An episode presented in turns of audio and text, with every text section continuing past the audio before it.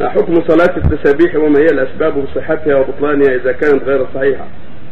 خلاف العلماء في أحاديث التسبيح والصواب أنه ليس بصحيح وأن شاذ مخالف للأحاديث الصحيحة المعروفة عن النبي صلى الله عليه وسلم في صلاة النافلة الصلاة التي شرع الله لعباده في ركوعها وسجودها وغير ذلك. ولهذا الصواب قول من قال بعدم صحته بل أده ابن الجوزي في الموضوعات نعم.